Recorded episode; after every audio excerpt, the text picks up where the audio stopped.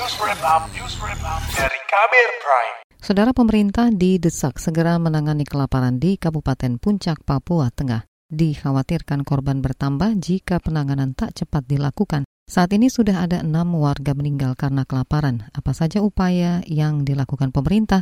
Selengkapnya kita simak dalam laporan khas KBR yang disusun jurnalis Heru Haitami. Pemerintah Kabupaten Puncak, Papua Tengah menetapkan status tanggap darurat bencana kelaparan di dua distrik, yaitu Agandu Gume dan Lambewi. Status ditetapkan mulai 7 Juni hingga 7 Agustus 2023 lewat surat keputusan Bupati Puncak, Willem Wandik. Usai penetapan tersebut, kekeringan meluas ke distrik Oneri. Kekeringan diduga jadi salah satu faktor penyebab kelaparan. Itu karena tanaman warga jadi rusak dan mengakibatkan gagal panen. Presiden Joko Widodo menginstruksikan pemerintah pusat dan daerah segera menangani kelaparan di sana. Kita sudah perintahkan pada Menko PMK, Menteri Sosial, BNPB, dan juga di daerah di Papua untuk segera menangani secepat-cepatnya. Tapi problemnya supaya tahu ya itu ada daerah spesifik yang kalau di musim salju itu yang namanya tanaman tidak ada yang tumbuh di ketinggian yang sangat tinggi distrik itu. Jokowi menyebut ada sejumlah persoalan yang jadi penghambat pendistribusian bahan pangan ke puncak. Bantuan untuk makanan juga problem di urusan keamanan. Pesawat tidak berani turun sehingga problem lagi. Sebab itu saya minta juga tadi TNI untuk membantu mengawal.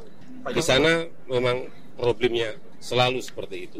Merespons Presiden, Menteri Dalam Negeri Mendagri Tito Karnavian mengeklaim sudah menangani kekeringan dan kelaparan di Kabupaten Puncak. Tito telah memerintahkan penjabat Gubernur Provinsi Papua Tengah Ribka Haluk dan Bupati Puncak Willem Wandik terus memantau distribusi bantuan di lokasi terdampak kelaparan. Saya sudah koordinasi dengan Ibu Gubernur dan Bupati, memang ada permasalahan untuk supply karena harus menggunakan udara dan ada kelompok-kelompok bersenjata. Tapi setelah komunikasi dengan seluruh tokoh-tokoh gereja, tokoh adat, kemudian supply dapat masuk ke sana dan sekarang sudah bisa diatasi. Tokoh agama sekaligus aktivis hak asasi manusia, John Jonga, menyarankan pemerintah melibatkan masyarakat adat serta gereja lokal dalam pendistribusian pangan ke wilayah terdampak sebab pendistribusian bantuan membutuhkan waktu panjang, biaya besar, hingga sulitnya sarana transportasi. Karenanya diperlukan koordinasi cepat dan tepat untuk mengatasi masalah kelaparan di Kabupaten Puncak. Penting ini bagaimana melibatkan masyarakat adat dalam arti untuk membantu karena bagaimanapun juga situasi dan kondisi uh, keadaan alam seluruhnya masih sangat ekstrem. Yang ketiga, saya pikir kalau memang itu betul menghadap mau memberikan bantuan bagi korban. Memang yang lebih banyak sekarang di daerah distrik Mbua itu sudah apa transportasi jalan darat itu cukup baik. John Jonga meminta pemerintah tetap mengutamakan perbantuan bagi warga terdampak kekeringan tanpa melibatkan kekuatan aparat secara berlebihan. Kata dia, itu demi keadaan yang tetap kondusif.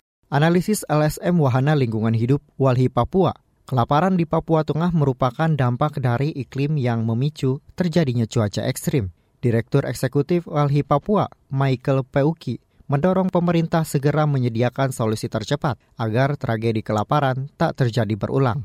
Sebab ini bukan kali pertama krisis pangan berujung kelaparan terjadi di Papua. Padahal warga di distrik-distrik terdampak menggantungkan sumber makanan dari hasil berkebun pemerintah harus mengambil langkah cepat untuk menyediakan uh, beberapa koperasi lokal di sana atau koperasi pangan lokal di sana untuk menjadi alternatif lain dari masyarakat di sana begitu karena tidak mungkin lahan itu memang sangat rawan. Tidak mungkin kita mengungsikan masyarakat atau pindah dari tanah mereka, itu nggak mungkin sekali. begitu. Sementara itu, menurut Badan Registrasi Wilayah Adat BRWA Wilayah Papua, faktor lain penyebab kelaparan adalah perampasan lahan. Menurut anggota BRWA Zulhasdullah, kejadian kelaparan di Papua bukan hal baru. Namun situasi ini semakin buruk dikarenakan banyaknya perubahan struktur pangan, perebutan lahan, hingga bantuan pemerintah yang tidak merata. Kontras sebenarnya dengan kekayaan tanah Papua dan begitu dahsyatnya, tapi terjadi kemiskinan dan gizi buruk itu, bahkan kelaparan.